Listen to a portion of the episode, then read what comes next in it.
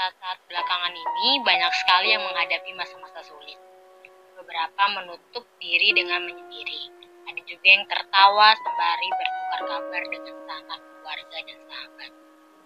Sebagian menghabiskan waktu dengan membaca, menonton, menulis, memasak, atau mungkin memperbaiki barang-barang yang terlupakan. Ada pula yang menghabiskan waktunya hanya untuk tidur dan beristirahat.